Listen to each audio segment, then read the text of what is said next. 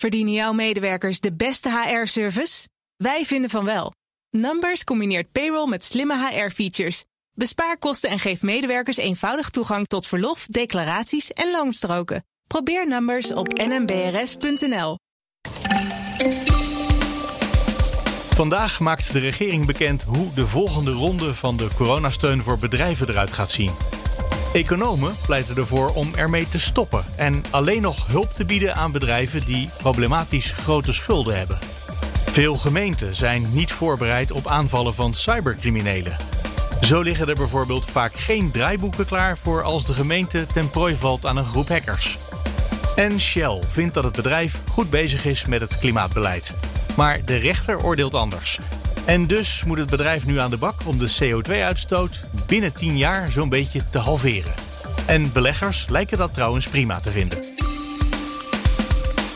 Dit is Nieuwsroom, de dagelijkse podcast van het Financiële Dagblad en BNR Nieuwsradio. Met het nieuws verteld door de journalisten zelf. Ik ben Mark Beekhuis en het is vandaag donderdag 27 mei.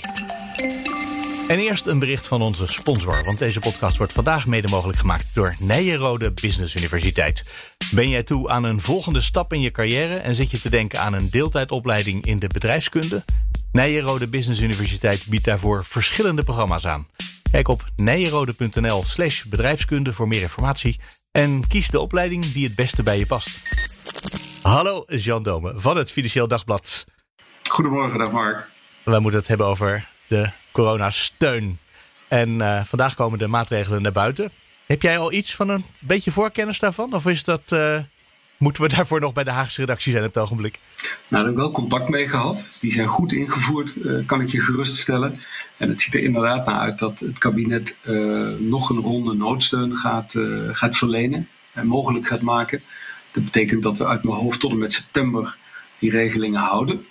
Um, en dat zal denk ik, eh, ook van de kant van werkgevers en werknemers is daar wel op aangedrongen. Dus het zal veel bedrijven geruststellen dat de mogelijkheid nog bestaat. Er is natuurlijk heel veel kritiek geweest, is het wel genoeg en uh, helpen die maatregelen wel genoeg? Nou, uh, ik denk dat de opluchting groot is als die, die, die, die steunmaatregelen wel nog een keer worden verlengd. De vraag is natuurlijk, hè, met, met de actuele economische ontwikkeling in ons achterhoofd, hoeveel gebruik ervan gemaakt zal worden.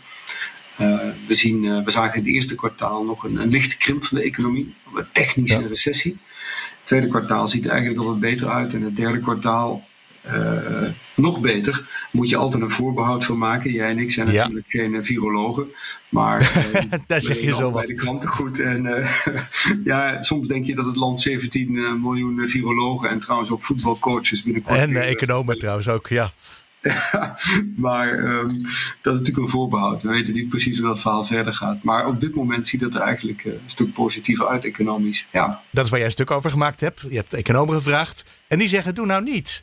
Maar dat krijgt nog geen gehoor. Heb jij daar een verklaring voor? Waarom mensen daar nog niet, uh, tot nu toe niet luisteren naar de economen? Nou, er spelen natuurlijk grote belangen een rol. En je ziet ja. dat economen verdeeld zijn over uh, de vraag wat er nu moet gebeuren. Of je door moet gaan met het uh, steunen van uh, bedrijven die last hebben van die beperkende maatregelen. En um, economen als Arnoud Boot, hoogleraar aan de UvA in Amsterdam, die zegt je moet eigenlijk zo snel mogelijk stoppen met die steunmaatregelen.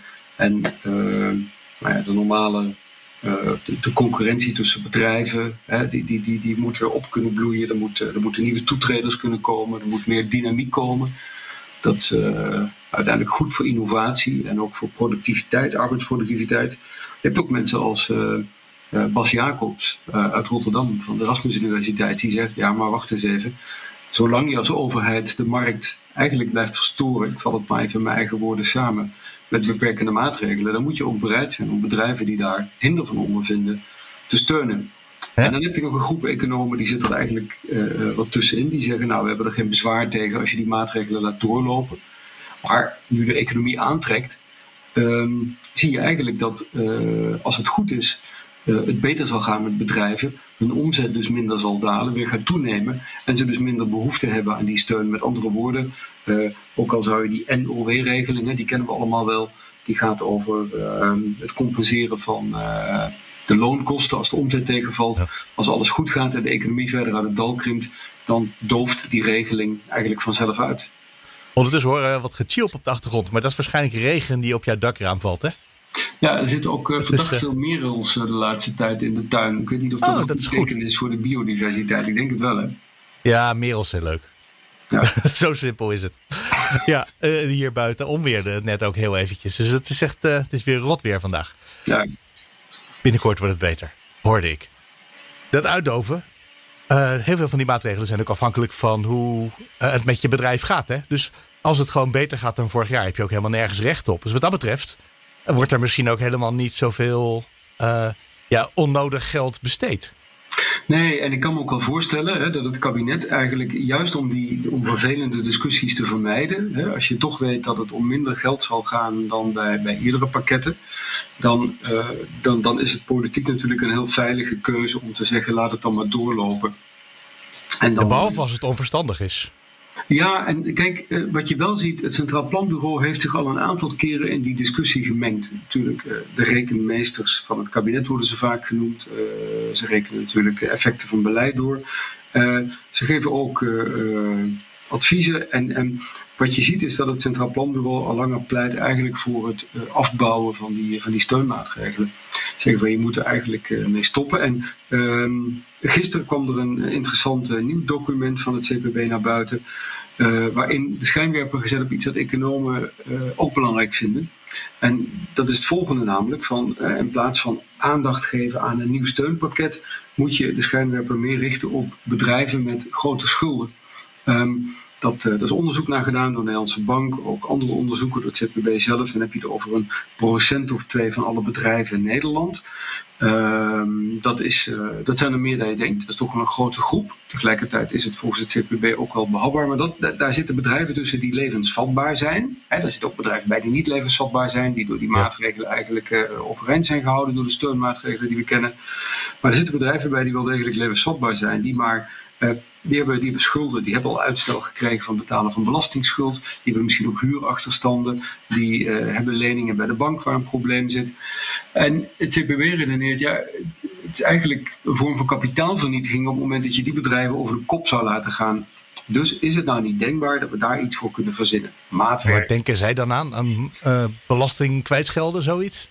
Nou ja, dat is waar het kabinet het was de stand van gisteren nog niet aan denkt. Het kabinet zit meer op de lijn van we moeten uitstel geven van, van het betalen van die belastingen. Je kan het langer uitsmeren. En het Centraal Planbureau zegt eigenlijk met zoveel woorden, ja, kwijtschelden is eigenlijk een betere optie. En dan nogmaals, niet voor alle bedrijven, want dan kom je ook bedrijven tegemoet die uh, misschien toch niet meer te redden zijn, of, of die het uiteindelijk uh, wel redden zonder hulp. Maar er zit een categorie bedrijven met flinke schulden. En, en voor die bedrijven moet je, je moet eigenlijk aan balansherstel gaan doen. je moet die balans opschonen. En dat betekent dat ze van een deel van die schulden af moeten. En um, dat, wat het CPB eigenlijk uh, voor ogen heeft, is een soort gezamenlijk optreden van overheid en private schuldeisers, waarbij de banken een belangrijke rol spelen. Uh, die eigenlijk samen die schulden van die bedrijven saneren. En dan moet je een beetje hè, voorstellen van als bedrijven dan bedrag X eh, afschrijven van die schulden, particuliere schuldeisers moet ik zeggen, dan zou de overheid dat ook moeten doen. Dus bij die belastingsschulden. De overheid is de preferente schuldeiser. Nou, dat is interessant. Dat is natuurlijk een belangrijke vraag. Ja, wie moet dan in hemelsnaam gaan bepalen uh, welke bedrijven daar wel of niet voor een aanmerking komen? Je ziet al een soort uh, dramatische bureaucratische operatie voor je, waarbij ambtenaren ja. al die bedrijven moeten gaan beoordelen. Nou, daarvan zegt het Centraal Planbureau heel verstandig en ook eigenlijk wel voor de hand liggend van, nou, dat moet de overheid helemaal niet doen, dat moet de overheid ook niet willen. Maar we hebben toevallig een categorie uh, ondernemingen die daarin gespecialiseerd zijn. Dat zijn de banken. Uh, die hebben ook allemaal lijntjes naar die bedrijven. Dus als je dat nou bij, uh, bijvoorbeeld bij banken neerlegt om te beoordelen nou, welke bedrijven hebben die steun nodig. En dan kun je vervolgens als overheid samen met uh, private schuldeisers dat uitvoeren. En um, dat vind ik wel reëel. Het is natuurlijk niet zo dat die bedrijven alleen bij, de, bij het Rijk, bij de Belastingdienst in het krijt staan. Nee, ze hebben schulden opgebouwd. Niet alleen bij jou en bij mij als belastingbetaler, maar ook bij, bij, bij andere bedrijven. Dus als dan de bank zegt, uh, wij doen er een paar procent vanaf uh, van die schuld, dan doen we de belasting ook wat eraf. Ja, dan, dan eigenlijk moet, de overheid moet dat dan matchen, zeg maar. Hè? Als, er, als, als private schuldeisers zeggen we halen er 10 miljoen af of 5 miljoen. Dat je als Rijksoverheid zegt, nou we kijken even naar de belastingsschuld die er staat. Maar dan, dan, dan komen wij ook over de brug voor een vergelijkbaar bedrag. Wij praten nu over alsof dat een hartstikke goed idee is. Hoe kan het dat de overheid nog niet met ons mee uh, denkt? Want die uh, zit nog in het plan wat ze tot nu toe steeds deden. Dus dat is eigenlijk als cliffhanger voor de luisteraars, dat is interessant. Hoe gaat de overheid, hoe gaat het kabinet daarop reageren op dat uh, idee? He, je ziet het, uh, uh, de verzoeken die zwellen nu aan. Dat is het CPB, het zijn economen die allemaal zeggen je zou daar wat moeten doen. Um, ja, dat, dat gaan we de komende dagen zien. Wat je wel ziet is dat de overheid tot nu toe heel sterk op dat spoor zat van die steunpakketten. van, uh, dat, dat, dat, dat op zich succesvol geweest, die aanpak. Daarmee hebben we oploop van de werkloosheid, faillissementen weten te voorkomen. En wat nu belangrijk uh, is, is dat de overheid eigenlijk die slag maakt en, en, en, en nu gaat kijken van we komen naar andere fase, waarin die directe steun om te voorkomen dat bedrijven omvallen minder nodig is. Maar hoe gaan we, hoe gaan we er dan voor zorgen dat de economie wordt vlot getrokken? En um, als je dan kijkt naar, uh, dat is nog wel interessant denk ik, van je zag aan de verkiezingsprogramma's en ook in verkiezingstijd, uh, hoorde je allemaal stoere taal als we moeten onszelf uit de crisis investeren. Uh, dus de politieke partijen zitten ook wel op die lijn van misschien nog meer geld in de economie gaan pompen. En nou, daarvan zeggen economen ook, dat, dat moet je misschien niet doen, want die economie die, die staat dan weer behoorlijk op de benen en die gaat zichzelf wel redden. Ik sprak Arnoud Boot, hoogleraar aan de Universiteit van Amsterdam, die zegt die economie die draait straks weer als een tierenlier. Um, dat, uh, dat denk ik ook, daar heeft hij gelijk in. Dus dan is het meer de vraag van, nou, in die herstelperiode, wat zijn er nog echte probleempunten? Wat zijn dan de knelpunten waar je nog heel gericht wat aan moet doen? En um, dat is spannend en ik, ik ben heel benieuwd. Ik denk dat de overheid dat ook wel gaat overnemen. Uh, in ieder geval op die manier naar gaat kijken. En dan is de vraag hoe ver ze uh, bereid zijn om te gaan. Want was het niet gisteren dat je nog schreef... Centraal Planbureau, dubbele punt, nieuw kabinet moet hand op de knip houden. Uh, dus die gaan zelfs nog wat verder dan uh, het, het, het, niet uit de crisis investeren. Die zeggen nee, stop maar helemaal gewoon met nieuwe uitgaven. Nou, het is interessant hè. We hebben, het Centraal Planbureau is ook een beetje natuurlijk de, de taak van dit soort uh, uh, organen eigenlijk om, om op de rem te staan. Hè? Van, van, ja, je ik dacht dit is een oude reflex die mij doet denken aan de vorige crisis. En toen hebben ze ons niet geholpen. Dacht ik. Het, verschil is natuurlijk wel dat we sinds dat, dat wij in deze crisis al tientallen miljarden, hè, met, met, gulle hand heeft de overheid geld uitgedeeld om te voorkomen dat er grote schade zou ontstaan. De vraag is nu wat het CPB, zo interpreteer ik het eigenlijk wil voorkomen, is dat de overheid in de overdrive gaat, zeg maar. Ja. En, en, en, en, en, doorgaat met het uh, maken van, van schulden. Vergeet niet, uh, rente is natuurlijk ook laag. De overheid heeft lang, of kan lang, heeft, kreeg geld toe wanneer er geld werd geleend. er is natuurlijk een, een, een nationaal groeifonds is er opgericht.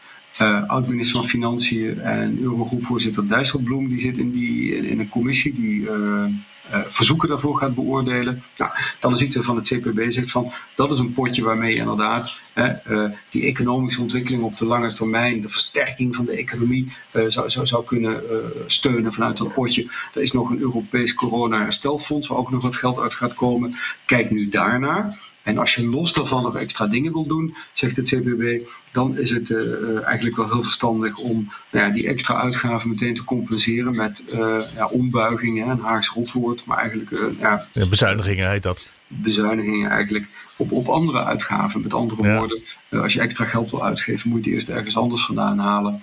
Ja, dat, dat is toch niet, uh, niet onverstandig, denk ik hoor. Omdat je, uh, er moet natuurlijk eigenlijk een kabinet worden geformeerd. Er liggen enorme wensen op tafel. Het regent nu brieven aan de informateur waarin om miljarden wordt gevraagd. Um, dus dat je dan is dit als tegenbericht is misschien dan niet zo slecht. Overigens, daar zijn ook andere meningen over. Hè. Er zijn ook uh, economen die zeggen van het is best mogelijk om structureel wat meer geld uit te geven. Dat kan de begroting uh, wel, wel hebben. Dat is een debat dat gevoerd moet worden. Maar je moet het eigenlijk vooral zo zien van iedereen speelt zijn eigen rol in deze discussie. En het is de rol van het Centraal Planbureau om, uh, denk ik, te waarschuwen dat, dat men niet al te wild tekeer moet gaan. Nee, niet al te wild. Jan Dome, dankjewel. Ja, ik, uh, daar moeten we het maar bij laten. Maar het wordt vervolgd, Mark. Dat is het goede nieuws. Zeker, vanmiddag alleen al met een uh, uh, mededeling van de drie W's weer. Zeker. Hey, fijne dag.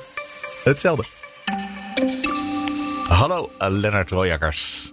Hallo, Mark. Van BNR Nieuwsradio. we gaan het hebben over gemeenten die eigenlijk maar matig voorbereid blijken te zijn op cyberaanvallen. Uh, dus het hacken van hun uh, gemeentelijke computernetwerken. Wat volgens mij toch een beetje een golf is die de laatste tijd over het land heen spoelt.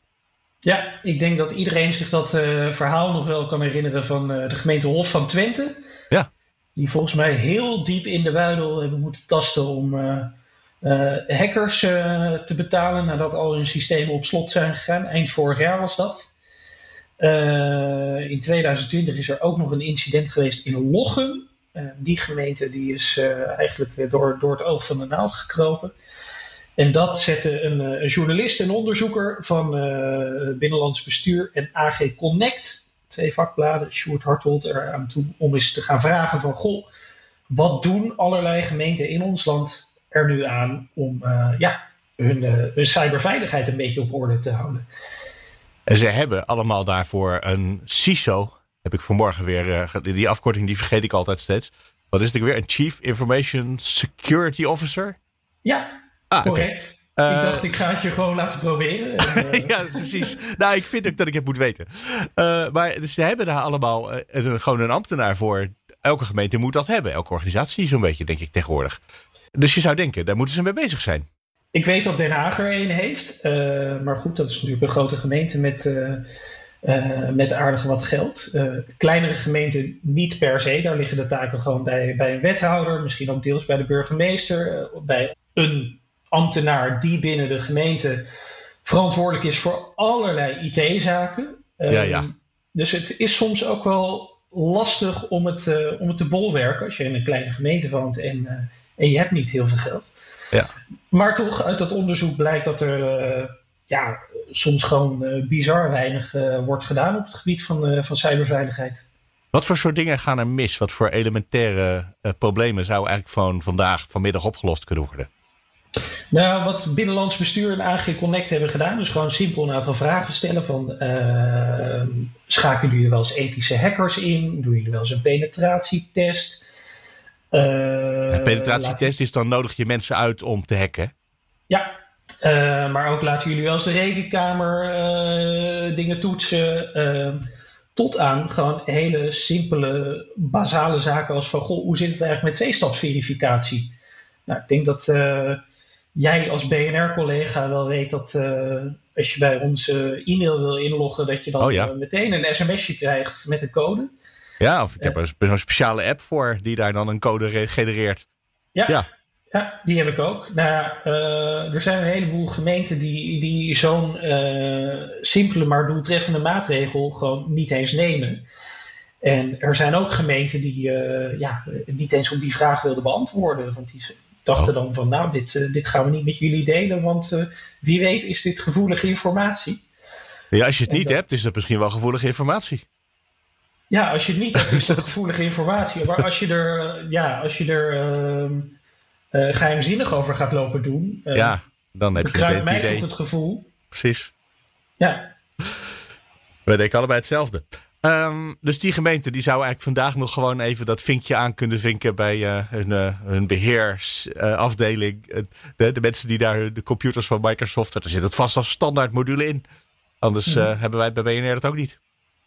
Ja, dat denk ik wel. En ik heb ook met de Vereniging van Nederlandse Gemeenten gesproken. En die gaven ook aan van wij hameren erop dat ze echt dit soort basale trucs uh, gewoon, uh, gewoon echt doen. En wat, wat de VNG ook nog aangaf, of de informatiebeveiligingsdienst van de, van de VNG, want zo heet het officieel. Die zeiden, nou ja, wat wel saillant is, als je kijkt naar de incidenten die zich rondom cyberveiligheid voordoen bij gemeenten, dan gaat het eigenlijk heel vaak om hele knullige menselijke fouten, uh, zoals het gebruiken van slechte wachtwoorden, ja, programma's open laten staan waardoor iemand heel snel binnen kan gaan. Dus de meeste problemen doen zich eigenlijk gewoon voor door slordigheid, als ik het bij hoor zo. Stomme slordigheden. Ja. En uh, ze gaven ook aan van ja, de meeste hackers zijn gewoon niet eens op zoek uh, naar gemeente als doelwit, maar die gaan gewoon lopen zoeken van hé, hey, waar kunnen wij binnenkomen?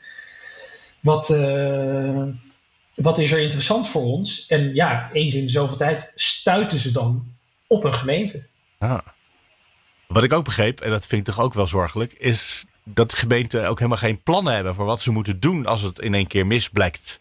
Dan zou je denken, dan maak je een draaiboek. Dan weet je wie je moet bellen, welke diensten uh, je ogenblikkelijk te hulp kunnen schieten. Hoe je, uh, dat was bij een van de gemeenten, het hele internet afsluit van het uh, stadhuis. Zodat wat er dan, ja, wat er tot nu toe is qua hek, dat dat ook de hele hek is, dat ze nooit meer verder komen. Maar dat soort plannen, die liggen er helemaal niet.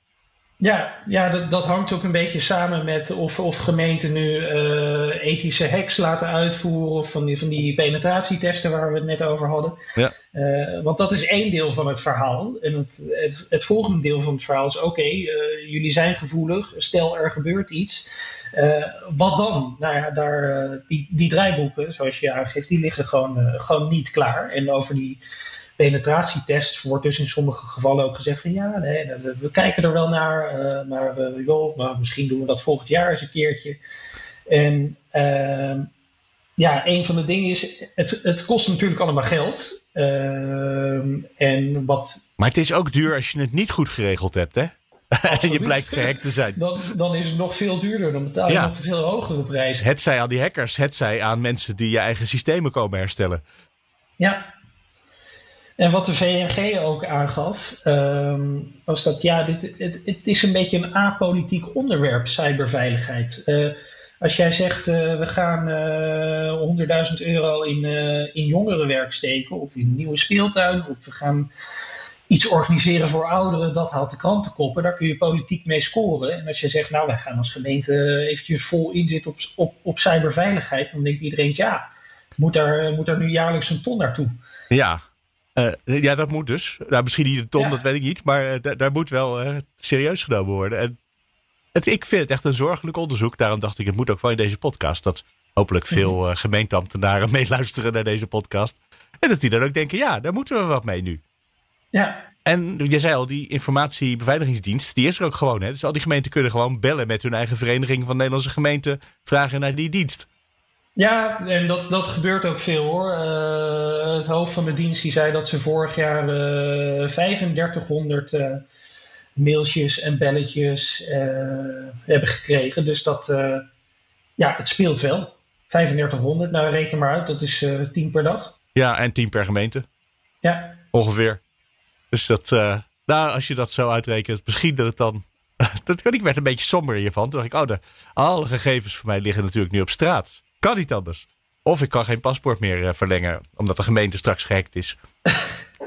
Nou, ik denk uh, je dat je niet de illusie moet maken dat jouw gegevens nooit een keer op straat komen te liggen. Dat oh nee, ik uh, heb mij aangemeld bij zo'n dienst. Ik krijg regelmatig mailtjes met ah, dit bedrijf in de andere kant van de wereld is vandaag gehackt. Dat, ze hebben nu je wachtwoord. Gelukkig zijn het allemaal oude wachtwoorden die ze hebben. Gelukkig, Mark. Regelmatig verversen. Oh, wat? Ik voel me helemaal nu, uh, hoe heet dat, uh, schoolmeesterig uh, worden. Laten we hier snel het gesprek stoppen, Lennart. Laten we dat doen. Ja. Ik hoop dat je het leuk vond. Ik vond het interessant. En ik vind het een belangrijk onderwerp. Lennart Royakkers, dankjewel. Dankjewel. Hallo, Bert van Dijk van het Financieel Dagblad. Goedemorgen. Ben je een beetje bekomen van het nieuws van gisteren? bekomen? Nou ja, het was wel... Ja, het was wel heftig. Ja, zeker. Het was ook echt heftig. Ik, ja, ik bedoel, eerlijk gezegd, ik had dit niet verwacht, maar ja, dat had ik bij Agenda ook niet. En, uh, dus uh, ja, nee, het is een uh, ingrijpende uitspraak, absoluut. Ja, en de uitspraak is een uitspraak van de rechter tegen Shell. Die zegt, jongens, jullie moeten heel veel minder CO2 gaan uitstoten. En niet, in, niet alleen jullie zelf, maar ook jullie klanten, wat echt een ingewikkelde opdracht is. Ja. Uh, en samen met de leveranciers. Dus het hele, de hele keten van alles waar Shell in zit, moet in tien jaar tijd de CO2-uitstoot zo'n beetje gaan halveren. 45 procent, is bijna de helft. Ja, ja dat is immens. Dat is, uh, en gaat veel en veel verder dan uh, de eigen doelstellingen van Shell. Die hebben natuurlijk ook uh, klimaatdoelen gesteld de afgelopen jaren. Ja, we hebben van de week hebben we nog een gesprek gehad. Nou, niet, niet jij en ik, maar nee. over Follow This. Ja. Die dat via de aandeelhouders probeerde ja. te regelen. En heel blij was met dat een derde van het bedrijf er eigenlijk wel achter stond. Of een derde van de aandeelhouders. Maar dat is natuurlijk, nou, dat was niet genoeg om iets te veranderen. Nee, nee, die proberen dit al jaren en nu uh, is het gelukt uh, met deze rechtszaak. Ik bedoel, we moeten even afwachten, de Hoge Raad en uh, of, of Oh ja, nee, dat gaat waarschijnlijk maar, tot in Europa uitgevochten worden ja, met rechters. Maar nee, maar maar dit zeker. Dit, uh, en, en kijk, Shell heeft zelf een doelstelling van, ik geloof, 20% reductie, maar dan van de carbon intensity, dus de, de hoeveelheid uitstoot per eenheid energie. Dus je kunt in principe dan hogere volumes olie verkopen, maar ja. Uh, met een lagere, uh, doordat je meer duurzame energie ja. bijvoorbeeld ook hebt. Dan neemt je uitstoot toch toe als je maar veel extra olie verkoopt. Ja, dus, uh, maar dat, uh, daarvan... Dat nou telt niet meer. Nee, die moet, er moet 45% af. Het is wel netto, dus dat, nou ja, daar komen we misschien ook nog wel op te spreken. Er zijn natuurlijk allerlei manieren om dat te doen. Uh, maar nee, dit is een absoluut ingrijpende en ook verstrekkende uitspraak. Ja, want ze mogen ook bomen planten, om dat netto maar meteen even te verklaren. Of uh, ja. het, CO2 afvangen en uh, ergens ja. onder de grond stoppen ja, in, al, in, de Noordzee. Ja, precies. En, en, dat soort plannen hebben ze ook al aangekondigd, ook al grootschalig. Maar dan met name om, om de uitstoot bij klanten, de zogenoemde scope 3 emissies, terug te brengen en te compenseren. Maar ja, ik kan me voorstellen dat ze dat misschien dan nu ook gewoon gaan doen voor een deel van hun eigen. Ik weet het niet. Maar als je zo. Je moet in negen jaar moet je de, de helft uh, reductie, uh, de helft minder uitstoten. Dat is nogal wat. Ja. Dus, uh, ja. En bij Shell lijkt mij ook dat scope 3. Dus dat is. Scope 1 is direct is, wat je doet. Scope ja. 2 is wat je leveranciers en alles. En 3 is ook je klanten erbij, hè? Ja, heel grof gezegd. Zeg maar, dus als jij je auto rijdt en je verbrandt benzine, dan stoot je natuurlijk ECO2. Dat, nou, die, dat noemen ze scope 3. Scope 1 is, maar dat is natuurlijk bij Shell veruit het grootste ja, deel. Absoluut, want ja. uh, zelf zullen ze bij het pompen van olie vast ook wel wat olie gebruiken. Maar wij verbranden het in auto's en in centrales. Nee, nee, nee. Verreweg het grootste is het scope 3, absoluut. Ja. maar daarvan zegt de rechter, kijk, de, de uitspraak is een beetje ingewikkeld in die zin dat de rechter zet een resultaatverplichting op Shell om de eigen uitstoot uh, met 45% te verminderen. Maar een zware inspanningsverplichting is het letterlijk volgens mij voor uh, de uitstoot bij afnemers, leveranciers. Maar dat wordt niet, in principe is dat, geldt, is dat ook die 45% Maar ja, wat is een zware inspanningsverplichting? Hoe ga je dat controleren? Dat, daar, daar is natuurlijk nog wel, uh, dat is een, het is iets anders dan een resultaatverplichting. Dus dat is nog wel een moeilijke. Gisteren zat ik een beetje op Twitter te kijken, gistermiddag. En ineens werd mijn hele timeline overspoeld met alleen maar berichtjes over Shell. Blije ja. mensen, teleurgestelde mensen, geschokte mensen. Toen dacht ik, ik ga eens even de tv-journaals aanzetten. En of je naar Al Jazeera of CNN of de BBC opzetten. Of toch gewoon ons eigen journaal. Het ging alleen nog maar hierover. En als ik dan bijvoorbeeld nu even het aandeel van Shell opzoek. En dan zie je eigenlijk dat uh, beleggers, uh, die maken het allemaal niks uit. Nee, nee dat is vaak zo. Dat is raar. Zo, dat, ja, nee, ja. Of is dat niet raar? Nou ja, uh, is dat? Ja, moeilijk. Ik, direct, dit heeft natuurlijk niet direct invloed nog, denk ik, op de winst. Ik bedoel, Shell maakt nog steeds heel erg veel winst. Uh -huh. En beleggers kijken naar de verre toekomst, hè, of de, de toekomstige inkomstenstromen. En ehm, ja, zij zien kennelijk niet, uh, maken zich daar niet druk over. Nee, nee. Uh, ja, terwijl ik denk, ze moeten nu in de komende negen jaar of heel veel gaan investeren. Veel meer dan ze van plan waren. In elk geval in Ja. duurzame technieken. In, Ja. eh, en nog meer inzetten op windmolens en waterstof, eh, waterstoffabrieken. Of ze moeten heel veel ehm, bos gaan aanleggen. Nou ja, Ja. Zoiets. Ja. Nou ja, kennelijk, je kunt, je, je kunt het ook optimistisch zien en zeggen, ja, kennelijk zien aandeelhouders eh, eh, eh, het gevaar van een verslechterde eh, concurrentiepositie veel minder dan Shell zelf misschien. Shell zegt altijd, als wij het als enige moeten doen, dan ver- verslechtert Ja. onze concurrentiepositie. Dit gaat over geld kosten. Nou ja, maar kennelijk zeg- zeggen beleggers, nou, nou we- wij zien dat wel zonnig tegemoet. Er is ook gewoon geld mee te verdienen. Ehm, maar ja, dat, ja dat, ik vind het wel een lastige. Ik zou, ik zou het ook raar hebben gevonden als de koers meteen met 5% zou zijn gedaald op dit nieuws, eerlijk gezegd. Maar Ja, oh, Ja. ik zou dat. eh, ja. En er was ook wel een dipje gisteren even om een uur of vier. Maar eh, verder eh, herstelde het ook binnen een uur weer of zoiets. kijk, de olieprijs blijft voorlopig de komende jaren gewoon leidend nog steeds voor Shell. Dus ja, ik denk niet dat dat, dat, dat nog heel snel zal veranderen. Of zou eh, misschien de aandeelhouders denken, nou, er komt een hoger beroep. Deze zaak gaat wel dat. weer van tafel. Nou ja, maar volgens mij heeft de rechter wel gezegd dat dat ook om, hè, ik bedoel, Shell kan, die heeft ook wel aangekondigd in een hoger beroep te gaan, maar dat ontneemt het bedrijf niet van de plicht om meteen eh, gevolgen te geven aan het, eh, aan het vonnis. Dat was ook bij de agenda volgens mij zo. Dus ze moeten Ja, zeker klopt. meteen wel iets mee doen. Dus. Daar heeft overigens de Nederlandse overheid Ja. niets eh, mee gedaan. Nee. En misschien dat Shell er ook mee wegkomt om het gewoon te negeren. Ja, dat, eh, Eh, ja. Grote, machtige bedrijven. Het zou kunnen. Ja. Het zou ook kunnen zijn dat ze zeggen: Weet je wat, misschien is Nederland niet meer het bedrijf, niet meer het land waar ons bedrijf zich moet vestigen. Ja, nou ja, dat zou goed kunnen. Dat, ik bedoel, daar gaan ze natuurlijk nu zelf niks over zeggen. Maar ja, in het vorig jaar of twee jaar geleden, toen ik van Beurden sprak, opperde die, wierp hij wel een soort balletje op over de locatie van het hoofdkantoor.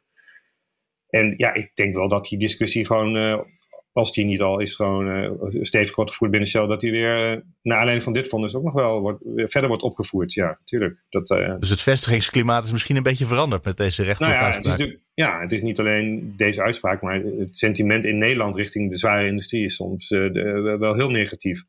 Dus ja. ik, ja, dan, als je naar een land kunt gaan waar je het risico op dit soort juridische acties kleiner acht, en je, bent, je was er toch al over aan het nadenken omdat het je nou ja, geld bespaart om, vanwege een aandeelhoudersstructuur die je dan uh, uh, nou ja, kunt vereenvoudigen. Ja, dan kan ik me voorstellen dat ze daar wel naar gaan kijken, ja. Ja, ik zag Bas, uh, Bas Eickhout, Europarlementariër voor GroenLinks, heel opgewekt twitteren. Wat fijn deze uitspraak, want niet alleen gaat Shell nu aangepakt worden, maar het wordt ook heel veel minder interessant om nu je brievenbusfirma als olieindustrie in Nederland te vestigen. Ja. En dacht ja, dat is waarschijnlijk wel waar. Ja. Als je dit soort risico's over je boven het hoofd hangt ineens. Ja, ja misschien dat je dan op de Cayman-eilanden toch gaat zitten. Ja, ja. Nou ja, ja, ik, ik bedoel, de, als je met Shell praat, Shell is niet. De, nou ja, ik denk, Shell heeft ook wel van, neemt ook wel verantwoordelijkheid. Ik bedoel, dus, de recht, is dat waar? Is dat waar? Ja, Leg dat eens even uit, want dan ga ik je zo uitleggen wat ik gisteren gezien heb. Uh, Meen gezien te hebben. Oké.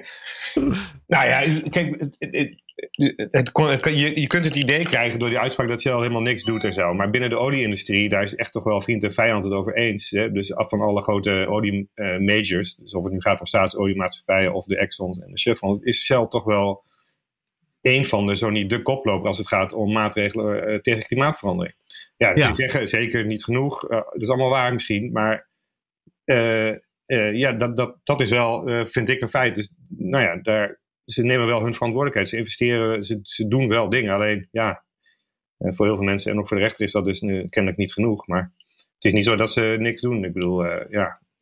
En uiteindelijk, nee, dat... ja, en uiteindelijk ligt, ligt, ligt, natuurlijk de, de, de crux bij, uh, bij jou en mij. Ik bedoel, als wij, als wij vliegen, als wij uh, plastic kopen, kleding kopen, ja, dan, dan dat, en, en, en die vraag hebben, ja, als Shell het niet, ja, dat zei de rechter ook, hè, dat was wel opvallend. Shell heeft, zegt natuurlijk altijd, ja, als wij het niet doen, dan gaan het, gaat een ander het wel doen en dan op een vervuilende manier.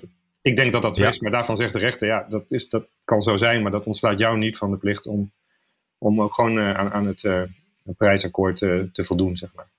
Ja, wat ik gisteren zag, ja. ik dacht in ieder geval in eerste instantie echode nog uh, van Beurden, die alles ging oppompen wat hij kon oppompen. Ja, ja die dat is natuurlijk. Uh, ja, uh, dat, zit, ja, maar dat blijft toch een beetje het beeld van Shell. Daar doe, daar doe je heel weinig aan. Als je dat één keer gezegd hebt, zegt dat iets over het bedrijf. En gisteren zag ik ook meteen de baas van nu. Die zei ja, uh, we, waren, we zijn heel teleurgesteld in deze uitspraak, want we zijn zo goed bezig. Terwijl de rechter net had gezegd, uh, hartstikke leuk dat jullie bezig zijn, maar jullie zijn niet goed bezig. Ja, ja. Uh, jullie moeten namelijk echt je best gaan doen. En jullie doen nog niet zo. Jullie hebben het over 2050 en jullie hebben het over 2030. Dan wil je misschien wel 20 procent, dat is de helft. Ja. Dus jullie moet, en als je dan zegt, nou, we zijn teleurgesteld, want we waren zo goed bezig dan is misschien de uitspraak nog niet doorgedrongen, dacht ik. Nou ja, dat vinden ze natuurlijk zelf. Dus ik bedoel, dat, die, dat snap ik wel. Zij, zijn, kijk, zij vinden zelf dat ze uh, van alles doen. Uh, om, uh, ze, ze, willen net zero zijn in 2050. Alleen het probleem bij Shell is volgens heel veel dat ze daar geen concrete doelen voor hebben geformuleerd om daar te komen. Ja. Ehm, maar ja, zij vinden zelf natuurlijk dat ze, uh, dat ze koploper zijn in de klimaat, uh, met, met hun klimaatambities. Dus dat ze dan teleurgesteld zijn, dat snap ik wel. Ja. Maar goed, die ja. uitspraak, ja, dat is natuurlijk de beroemde uitspraak. Ik weet niet eens meer welk jaar dat was, maar die. Uh, een jaar of drie, vier geleden, denk ik. Nou, mij is niet echt oude geschiedenis, toch? Nou, ja? nou. Net, oh, oké. Okay. Terwijl jij even je antwoord zegt, ga ik googelen. Je, ja. nou ja, dat, kijk, hij zei toen van, we pompen alles op. En dat was ook in een setting dat hij in zijn kamer zat met, het leek echt een soort ja, het was heel sta, ouderwets. Um, kwam het allemaal over en dan, ja, het, was, het kwam echt heel arrogant over, denk ik ook. Maar feitelijk, wat hij toen zei, was natuurlijk helemaal niet zo gek. Hij zei, ja, zolang, hij zei, het komt hard over omdat hij zegt, we gaan alles oppompen tot de laatste druppel, bij wijze van spreken. Maar ja, terecht zegt hij, denk ik, van zolang jij en ik gewoon die, uh, het product willen, uh, ja, moet, moet dat product worden gemaakt. En dan, dan gaan wij dat doen. Ja, dat, op zich is dat, vind ik dat niet zo gek. Maar goed, het is natuurlijk ja, helemaal uit zijn, uh, uh, nou ja, min of meer een beetje uit zijn context nou, gehaald. En het heeft zijn eigen leven gaan leiden. En het is de reden geweest ja, voor de hele klimaatzak. Ja. Het is juist de reden dat deze zaak überhaupt van de grond kwam. Ja. Het was 2016, dus het was ietsje langer terug. Oké, okay, ja. Maar die, die, die uitspraak die maakte ook deze hele ja. rechtszaak mogelijk, hè? Ja, want de Milieudefensie heeft, zeg maar, die, wilde die zaak aanspannen. En die heeft toen contact gezocht met uh, Roger Cox, de, de, ook de advocaat van destijds van de Urgenda-zaak. En die wilde, is het verhaal althans van Donald Pols, de directeur van Milieudefensie, wilde aanvankelijk niet. Hij zei van ja, dat wordt wel echt heel erg moeilijk. En toen kwam die uitspraak en toen schijnen ze heel snel met elkaar gebeld hebben en gezegd hebben, en Cox gezegd hebben, ja nee, we gaan het doen. Want uh, met deze uitspraak zie, zie, ik het wel zitten, want nou ja, nou, precies wat ik erin lees. Dit zegt iets over hoe het bedrijf in de wedstrijd staat. Uh, iets heel praktisch. Kan het eigenlijk wat de rechter van Shell vraagt? Of moet Shell gewoon voor de helft dicht? Nee, nee, nee, zeker niet. Dit, dit kan wel. Zeker, kijk, die 45% bij de eigen uh, operaties, om het zo maar te zeggen. Dus die scope 1 emissies, dat, uh, dat is best wel te doen. Dus ze hebben zelf al gezegd de olieproductie wat terug te schroeven. Nou, misschien dan nog iets meer. Wat oudere olievelden versneld sluiten. Uh, wat CO2-opslag. Portos is ook al, uh, dat gaat waarschijnlijk ook wel door. Uh, nou ja, ze zijn zelf heel druk bezig met het terugdringen van methaanlekkages. Nou ja, dat kan ook helpen. Ja, met allerlei maatregelen is, is dat wel te doen, denk ik. Maar het is wel een grote opgave. Ja. De rechter zegt ook heel duidelijk: het is ook volledig aan jullie hoe je dit gaat doen. Wij gaan, wij gaan geen maatregelen opleggen. En wij zeggen alleen: uh, je moet 45% reductie hebben in 2030. Maar hoe je dat doet, uh, dat is volledig uh, de vrijheid van het bestuur. Dus ja, maar goed, de angst zit ja. bij mij een klein beetje. Misschien wel dat, dat ze veel nog meer gaan inzetten op compensatie. Zeg maar. Dat is natuurlijk de, de heel makkelijk. Je koopt wat credits voor en die plak je op de uitstoot die, die je gewoon hebt. Zeg maar. Mm -hmm. en, ja, dat het zou mooi zijn als het gewoon echt tot reductie. Als het echt zelf regelen. Ja, ja. natuurlijk. Ja. ja. Moeten eigenlijk bedrijven als Tata Steel en uh, KLM en uh, wat hebben we nog? Uh, Zo'n groot kunstmestbedrijf in Zeeland. dat heel veel energie verbruikt. Moeten die zich eigenlijk ook allemaal nu zorgen maken voor rechtszaken? Ja, dat denk ik wel. Kijk, in principe gaat dit, dit gaat over Shell, maar het gaat, de rechter zegt, jullie doen niet genoeg om gevaarlijke klimaatverandering tegen te gaan. En jullie hebben als bedrijf die verplichting om dat wel te doen. En daar past dus een reductie bij van, zegt de rechter althans, 45% in 2030. Ja, waarom zou dat dan niet gelden voor Tata of voor een ander? Dus ja, zeker geldt dat. Ik kan me ook voorstellen dat uh, allerlei advocaten natuurlijk nu ook hier naar gaan kijken en denken van nou, of, of milieugroep of, uh, of andere of burgers of wie dan ook. Om ook andere bedrijven daaraan te gaan houden. Overigens, zegt de rechter wel, hè, de, de anderhalf procent is, is eigenlijk voor rechten leidend. Terwijl Parijs zegt, hè, de wereld moet uh, maximaal uh, voorkomen dat de aarde opwarmt met maximaal 2 graden en streven naar 1,5 graden. Dus ja, de rechter zegt nu een uh, anderhalve graad is het doel. Ja, dat, eigenlijk, dat, dat vond ik wel een van de opvallende dingen ook in de uitspraak. Want daarmee gaan, gaan ze toch wel een beetje op de, op de stoel van de politiek zitten. Want ja, waarom zou de, de, politiek, ja. de politiek kan ook zeggen... wij vinden 1,8 uh, genoeg. Of, hè, dus uh, ja, nou daarom misschien die intentieverplichting, zware intentie. Uh, niet de dwingende opdracht voor uh, de klanten, maar wel ja. de bedoeling. Ja, maar voor Shell zelf is het geen uh, inspanning. Nee, voor Shell zelf. Uh, het is gewoon een resultaatverplichting. Dus ja, dat, ja, dat, is toch wel opvallend. Nou, misschien dat dat er in hoger beroep dan wel afgaat, als ik jou zo hoor. Nou, ik ben geen jurist, dus. maar goed, we gaan natuurlijk blijven het volgen. Maar ja, nee, zeker. Dit gaat ook voor andere bedrijven wel gevolg hebben, denk ik. Ja. Bert van Dijk, dankjewel. Graag gedaan. En dat was hem voor vandaag. Morgen zijn we er weer, dan met Nieuwsroom Den Haag. Ondertussen kan je natuurlijk reageren. Mail naar nieuwsroom.fd.nl of nieuwsroom.bnr.nl. Dag tot morgen.